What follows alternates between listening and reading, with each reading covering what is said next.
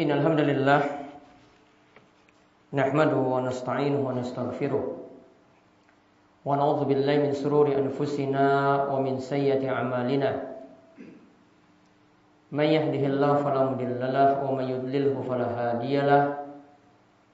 وأشهد أن لا إله إلا الله وحده لا شريك له.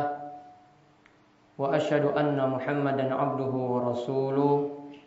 اللهم صل على نبينا محمد بن عبد الله وعلى آله وأصحابه وأزواجه ومن تبعهم بإحسان إلى يوم الدين قال الله تعالى في كتابه الكريم يا أيها الذين آمنوا اتقوا الله حق تقاته ولا تموتن إلا وأنتم مسلمون.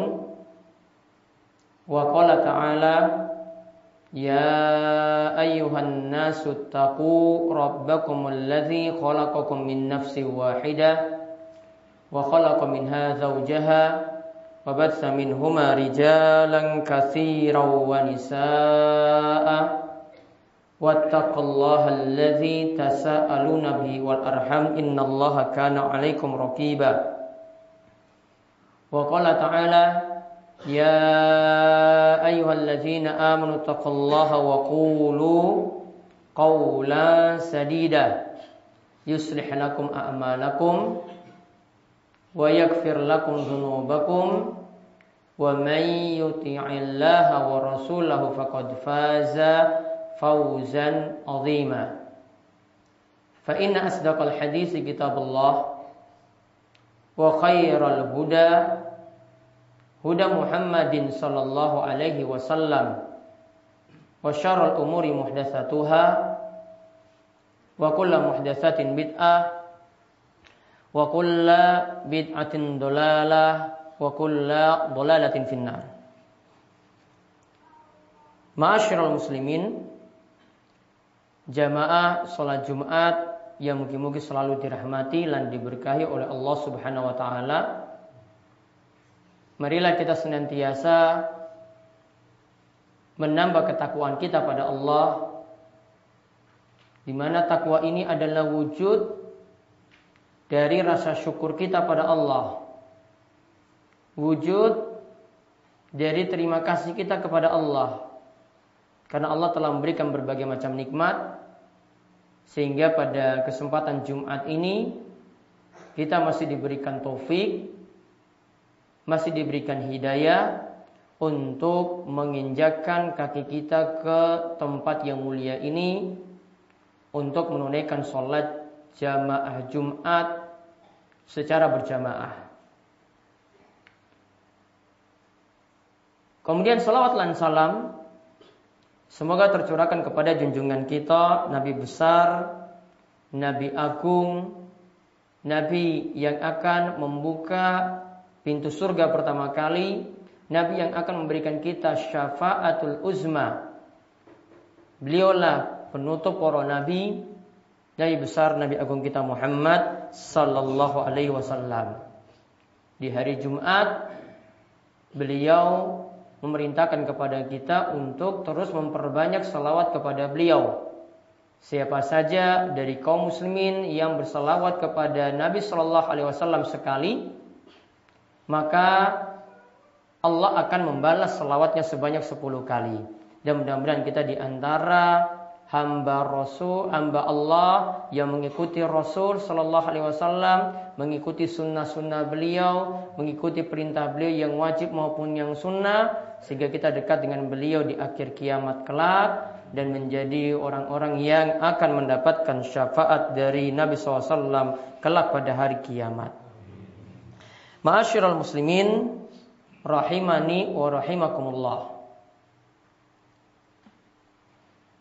Kita tahu bahwasanya kita diperintahkan untuk mencintai Nabi Shallallahu Alaihi Wasallam.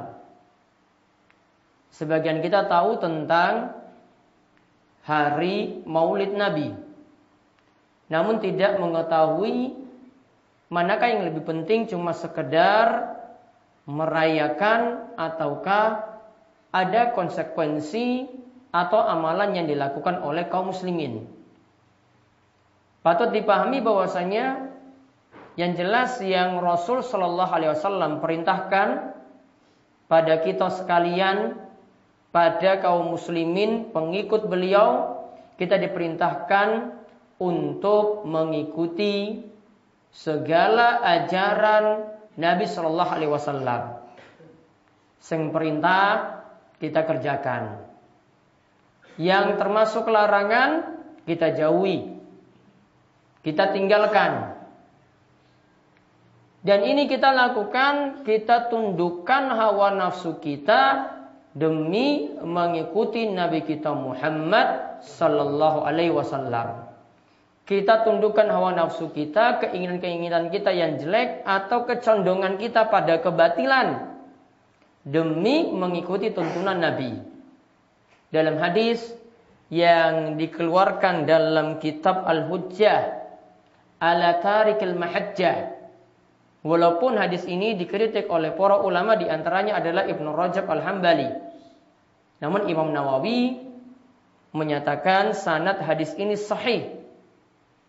Dan makna dari hadis ini benar. Yaitu dari Abdullah bin bin Amr bin Al-As Rasulullah Shallallahu Alaihi Wasallam bersabda, لا ahadukum hatta yakuna hawahu taba'an lima ji'tu bih. Kata Nabi Shallallahu Alaihi Wasallam, tidaklah kalian dikatakan beriman sampai kalian tundukkan hawa nafsu untuk mengikuti ajaran baginda Nabi Shallallahu Alaihi Wasallam. Di samping hadis tadi yang memerintahkan kita mesti nundukkan hawa nafsu kita, jangan sampai kita melanggar aturan-aturan syariat banyak ayat-ayat yang membicarakan hal itu pula. Contoh, saking ayat Al-Quran, surat An-Nisa ayat 65. Allah berfirman, Falau rabbika la yu'minuna hatta yuhakimuka fi ma syajara bainahum. Summa la yajidu fi anfusihim harajan mimma qadait wa yusallimu taslima. Kata Allah Subhanahu wa taala, demi Rabbmu. Mereka pada ekatnya tidak beriman hingga mereka mau menjadikan engkau sebagai hakim untuk urusan-urusan mereka. Yaitu dalam perkara yang masih diperselisihkan. Kemudian mereka tidaklah merasa sempit hatinya terhadap putusan yang engkau berikan dan benar-benar pasrah berserah diri pada apa yang telah engkau putuskan. Surat An-Nisa ayat 65 ini mengajarkan pada kita jadikan Nabi Shallallahu Alaihi Wasallam untuk menyelesaikan perselisihan kita yang ada. Berarti kalau sudah ada tuntunan saking kanjeng Nabi, maka selesailah perkara. Ada yang masih perdebatkan suatu amalan, masih memperdebatkan suatu ibadah, maka harus mengikuti Nabi SAW kalau sudah ada petunjuk dari beliau. Begitu juga kata Allah Subhanahu wa taala wa makana lil mu'minin wala mu'minatin idza qadallahu wa rasuluhu amran ay yakuna lahumul khiyaratu min amrihim. Tidaklah patut. Bagi orang beriman baik laki-laki maupun perempuan jika Allah dan Rasulnya telah menetapkan sesuatu lantas dia cari-cari pilihan yang lain yang sesuai dengan hawa nafsu dia. Tidak boleh kita cari-cari padahal sudah ada ketentuan Allah dan Rasul. Karena orang pas nggak serak nggak tenang dengan ajaran tersebut akhirnya kita cari-cari ajaran-ajaran yang lainnya. Tetap para jamaah, para kaum muslimin itu diperintahkan untuk ikuti tuntunan Nabi Shallallahu Alaihi Wasallam. Maka tuntunan Nabi SAW yang kita ikuti, kita diperintahkan cinta pada ajaran beliau. Ajaran Nabi SAW niku wonten sing wajib, wonten sing sunnah. Ada yang wajib, ada yang sunnah. Kita lakukan yang wajib, kita lakukan yang sunnah. Ada juga larangan-larangan saking kanjeng Nabi yang haram, yang makruh. Kita tinggalkan yang haram, kita juga tinggalkan yang makruh demi mengikuti Nabi Shallallahu Alaihi Wasallam. Maka bahkan kita jangan sampai kalahkan kecintaan kepada Nabi Shallallahu Alaihi Wasallam lebih daripada yang lainnya. Meskipun orang-orang yang kita cintai, meskipun dari harta. Dalam hadis yang disepakati oleh Imam Bukhari dan Muslim, Nabi SAW mengatakan, La yu'minu ahadukum hatta akun ahabba ilaihi min walidihi wa waladihi wan nasi ajmain. Tidaklah kalian dikatakan beriman sampai kalian lebih mencintaiku yaitu lebih mencintai Nabi SAW daripada orang tuanya, daripada anaknya, dan daripada seluruh manusia. Dalam riwayat yang lain dikatakan min ahlihi wa malihi. Lebih dia cinta Rasul lebih dia cinta daripada keluarganya, daripada harta yang dia miliki. Maka tidak boleh harta-harta tadi bapak-bapak, para jamaah itu lebih agungkan, lebih cintai daripada ibadah. Jangan sampai karena harta, jangan sampai karena dunia itu mengalahkan segalanya. Contoh di sini yang Allah sebutkan.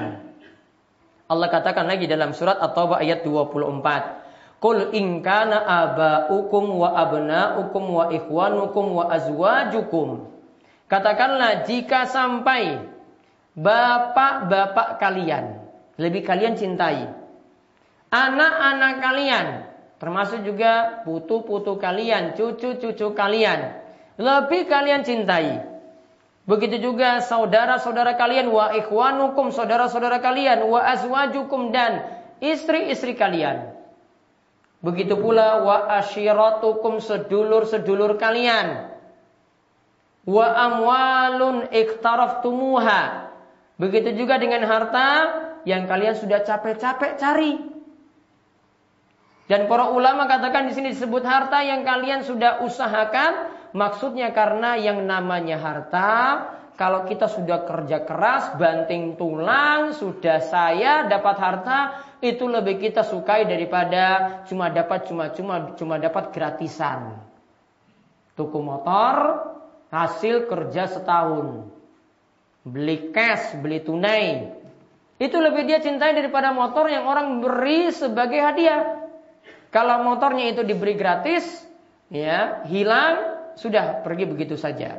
Namun kalau dia sudah banting tulang setahun penuh, kumpul-kumpul uang, dapat motor, bagus hasil kerja keras dia, lebih dia cintai. Kalau harta seperti ini lebih dia cintai lagi. Wa tijaratun takhshawna kasadaha. Begitu juga dengan bisnis yang dia khawatirkan bangkrutnya, ruginya. Wa dan rumah-rumah yang dia miliki yang sangat-sangat dia sukai. Karena kalau kita bangun rumah, kita ingin rumah yang indah, rumah yang catnya bagus, rumah yang atapnya bagus, nggak bocor, rumah yang dindingnya bagus. Kalau ini lebih kita cintai, ahabba ilaikum minallahi wa rasulihi wa jihadin fisabili. Jika itu lebih kalian cintai daripada Allah, daripada Rasulnya, daripada jihad di jalan Allah, fatarabbasu maka tunggulah hatta ya'tiyallahu bi amri sampai Allah mendatangkan perkaranya wallahu la yahdil qaumal fasikin dan Allah tidaklah memberikan petunjuk pada orang-orang yang fasik. Maka contohnya kalau kita ikut proyek datang panggilan azan. Jangan sampai dengan diri kita sendiri kita lebih pentingkan daripada ibadah. Kadang sebagian ketika jam rolasan lebih enak turu, lebih enak tidur daripada menunaikan sholat terlebih dahulu. Dirinya lebih dia pentingkan daripada ibadah pada Allah Subhanahu wa taala. Termasuk juga kita lebih pentingkan untuk negal, untuk golek pakan daripada beribadah pada Allah maka ada yang sibuk negal lupa sholat zuhur, lupa sholat ngasar. Terus sampai sore, maghrib-maghrib pun saya, sudah capek, sudah letih, tinggalkan lagi maghrib. Ngisa, wes turu, sudah tidur. Empat sholat ditinggalkan, cuma gara-gara negal dan ternaknya bisa gemuk, iso lemu, dan pertaniannya tadi bisa subur. Cuma urusan dunia. Maka di sini kita dituntut Allah, Rasulnya dan ibadah lebih kita dahulukan daripada urusan-urusan dunia tadi. Maka kadang ketika masuk musim penghujan memang nikmat. Nikmat kita berada di musim penghujan. Alhamdulillah kita syukuri apalagi itu yang selalu kita nanti-nanti. Namun dengan adanya nikmat malah kita lupa dengan keadaan kita yang susah dahulu. Memang keadaan orang kalau sudah senang sudah lupa ibadah. Kalau susah, lagi kering, lagi penuh kesulitan, baru ingin ibadah pada Allah Subhanahu wa taala. Maka ketika kita mengingat hal ini, marilah kita memperbaiki ibadah kita dan terus menjaga ibadah itu kapan pun di musim penghujan kita jaga, di musim kering kita jaga, selama hayat masih di kandung badan kita masih diberi kehidupan, marilah kita menjaga ibadah-ibadah kita. Demikian khutbah yang pertama ini aku qauli hadza wastaghfirullah li wa lakum wa lisa'il muslimin innahu alim.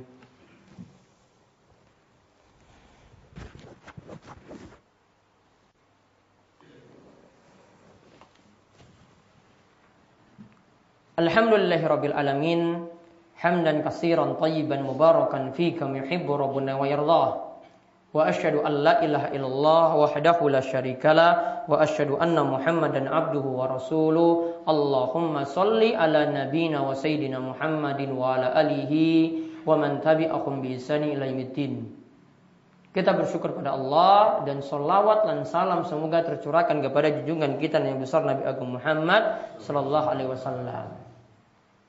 Bentuk takwa yang kita jelaskan di awal, di antara bentuknya adalah kita cinta Rasul, mendahulukan ajaran Rasul daripada hawa nafsu kita.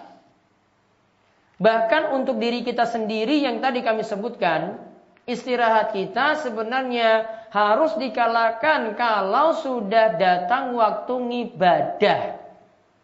Kalau sudah datang waktu ibadah, sudah masuk sholat zuhur, sudah masuk sholat ngasar, kepentingan untuk diri kita pribadi harusnya kita kalahkan demi ibadah dan menjalankan perintah Allah dan Rasulnya. Ada kisah saking Umar bin Khattab. Suatu saat Nabi SAW itu memegang tangannya. Lalu Umar mengatakan kepada Rasul Shallallahu Alaihi Wasallam, Ya Rasulullah, la anta ahabu ilayya min kulli illa min nafsi. Wahai kanjeng Nabi, kanjeng Rasul, aku, engkau, dari sisiku, pada sisiku, lebih aku cintai daripada segala sesuatu. Engkau wahai Rasul lebih aku cintai daripada segala sesuatu. Daripada hartaku, daripada istriku, daripada anak-anakku. Kecuali untuk diriku sendiri. Aku lebih mencintai diriku sendiri daripada engkau wahai Rasulullah. Maka Nabi SAW ketika itu melihat Umar mengatakan seperti itu, Rasulullah Sallallahu Alaihi Wasallam menyatakan, La walladhi nafsi biyadi hatta akuna ahabba ilaika min nafsik. Tidak wahai Umar, tidak, tidak, tidak seperti itu. Enggak boleh seperti itu. Tetap engkau demi zat yang jiwaku berada di tangannya, tetap engkau harus mencintai aku lebih daripada dirimu sendiri. Engkau harus mencintai aku lebih daripada dirimu sendiri. Maka ketika itu Umar mengatakan kepada Rasul sallallahu alaihi wasallam, "Al-an wallah la anta habba ilayya min nafsi." Mulai saat ini wahai Rasulullah, engkau lebih aku cintai daripada diriku sendiri. Kemudian Nabi SAW mengatakan, Al-an ya Umar. Mulai saat ini wahai Umar, tidak boleh tunda-tunda lagi. Engkau harus mencintaiku daripada dirimu sendiri. Maka baginda Nabi SAW di sini menerangkan diri kita malah kita harus kalahkan. Kita butuh istirahat, kita butuh tidur, kita butuh golek nafkah, kita butuh kerja, namun berpapasan dengan ibadah, maka tetap kita dahulukan ibadah. Ibadah tetap kita dahulukan. Kalau ibadah itu wajib. Beda kalau ibadah itu sunnah. Maka kalau kita butuh istirahat misalnya di malam hari ada sholat sunnah tahajud yang kita perlu lakukan. Namun kita lebih butuh istirahat. Maka dahulukan istirahat itu lebih utama. Namun suatu waktu kita punya waktu, kita punya kekuatan, kita juga tetap diperintahkan untuk melakukan sholat malam. Dan kita mohon pada Allah setelah kita mengetahui hal tadi, mudah-mudahan baginda Nabi kita Muhammad sallallahu alaihi wasallam lebih kita cintai dari istri, dari anak, dari orang tua, dari harta dan seluruh manusia lebih-lebih pada diri kita sendiri. Dan mudah-mudahan kita jadi orang-orang yang dekat dengan beliau, mendapatkan syafaat beliau kelak dan juga menjadi orang-orang yang bersama dengan beliau di surga nantinya. Ma'asyiral muslimin rahimani wa rahimakumullah di akhir khutbah kami anjurkan pada para jamaah sekalian marilah di hari Jumat yang penuh barokah ini kita terus memperbanyak ibadah, memperbanyak doa karena doa-doa kita di hari Jumat itu terkabulkan dan memperbanyak salawat kepada Nabi Sallallahu Alaihi Wasallam. Siapa yang bersalawat kepada beliau sekali maka Allah akan membalas salawatnya sebanyak 10 kali. Inna Allah wa malaikatahu yusalluna ala nabi ya ayyuhalladzina amanu sallu alaihi wa sallimu taslima. Allahumma salli ala Muhammad wa ala ali Muhammad kama sallaita ala Ibrahim wa ala ali Ibrahim innaka Hamidun Majid. Allahumma barik ala Muhammad wa ala ali Muhammad kama barakta ala Ibrahim wa ala ali Ibrahim innaka Hamidun Majid. Marilah kita panjatkan doa pada Allah karena doa di antara dua khutbah sampai solat itu selesai itu adalah doa yang mustajab di hari Jumat. Marilah kita memanjatkan doa untuk diri kita sendiri, keluarga dan kaum muslimin secara umum. Allahumma firli muslimina wal muslimat wal mu'minina wal mu'minat al ahya'i minhum wal amwat innaka sami'un qaribun mujibud da'wat. اللهم اقسم لنا من خشيتك ما تحول به بيننا وبين معصيتك ومن طاعتك ما تبلغنا به جنتك ومن اليقين ما تهون به علينا مصائب الدنيا اللهم متئنا بأسمائنا وأبصارنا وقواتنا ما أحييتنا واجعله وارث منا واجعل ثأرنا على من ظلمنا وانصرنا على من عدانا